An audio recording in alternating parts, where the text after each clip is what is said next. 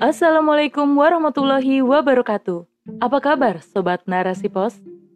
Kali ini bersama saya Giriani di rubrik Opini. Narasipos.com Cerdas dalam literasi media, bijak menangkap peristiwa kunci.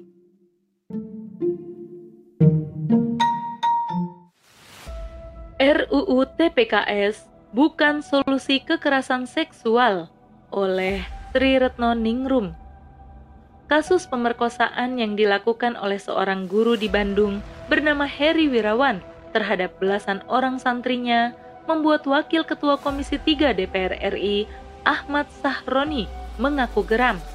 Sahroni pun mendesak agar pelaku dihukum seberat-beratnya dan para korban diberikan konseling yang tentunya sangat dibutuhkan. Lebih jauh lagi, Sahroni sangat antusias dengan draft rancangan undang-undang tentang tindak pidana kekerasan seksual atau RUU TPKS yang dibawa ke paripurna DPR, kemudian dibahas bersama DPR dan pemerintah. Di sisi lain, banyak organisasi Islam yang berada dalam naungan Majelis Ormas Islam atau MOI meminta agar DPR tidak terburu-buru mengesahkan RUU tersebut, sebab masih ada beberapa hal yang kontroversial. Selain itu, MOI masih mempersoalkan Permendikbudristek nomor 30 tahun 2021 karena masih menggunakan paradigma seksual konsen dan relasi gender. Dalam paradigma itu, yang dipersoalkan dalam kasus seksual hanyalah yang dilakukan tanpa persetujuan para pelakunya. Sehingga jika dilakukan suka sama suka, maka tidak perlu dipersoalkan. Apabila kita mengamati RUU TPKS ternyata ada pihak yang menginginkan RUU itu segera disahkan menjadi UU TPKS. Namun di sisi lain, ada pihak yang meminta agar pemerintah tidak buru-buru untuk mengesahkan RUU TPKS.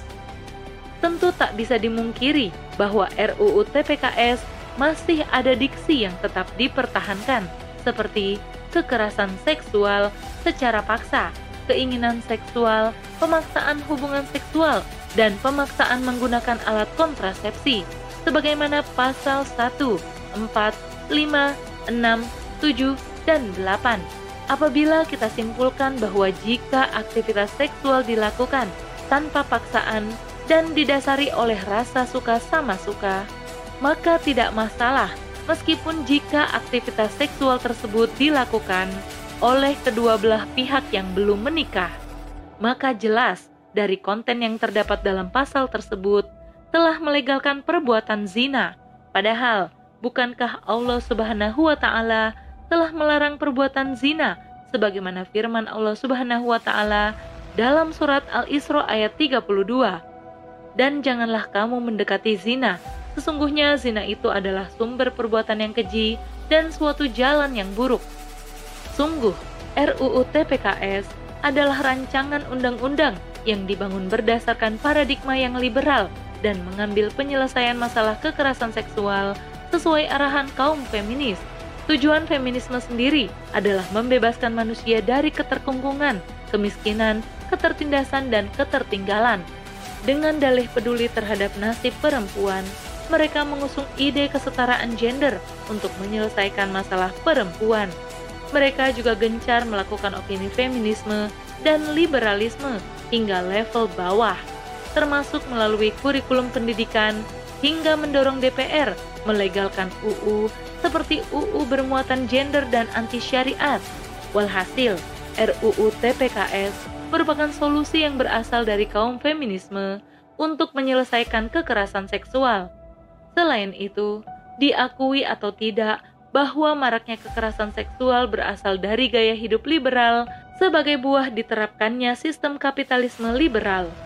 Sistem tersebut membebaskan manusia untuk bertindak apa saja atau berekspresi meskipun merugikan orang lain.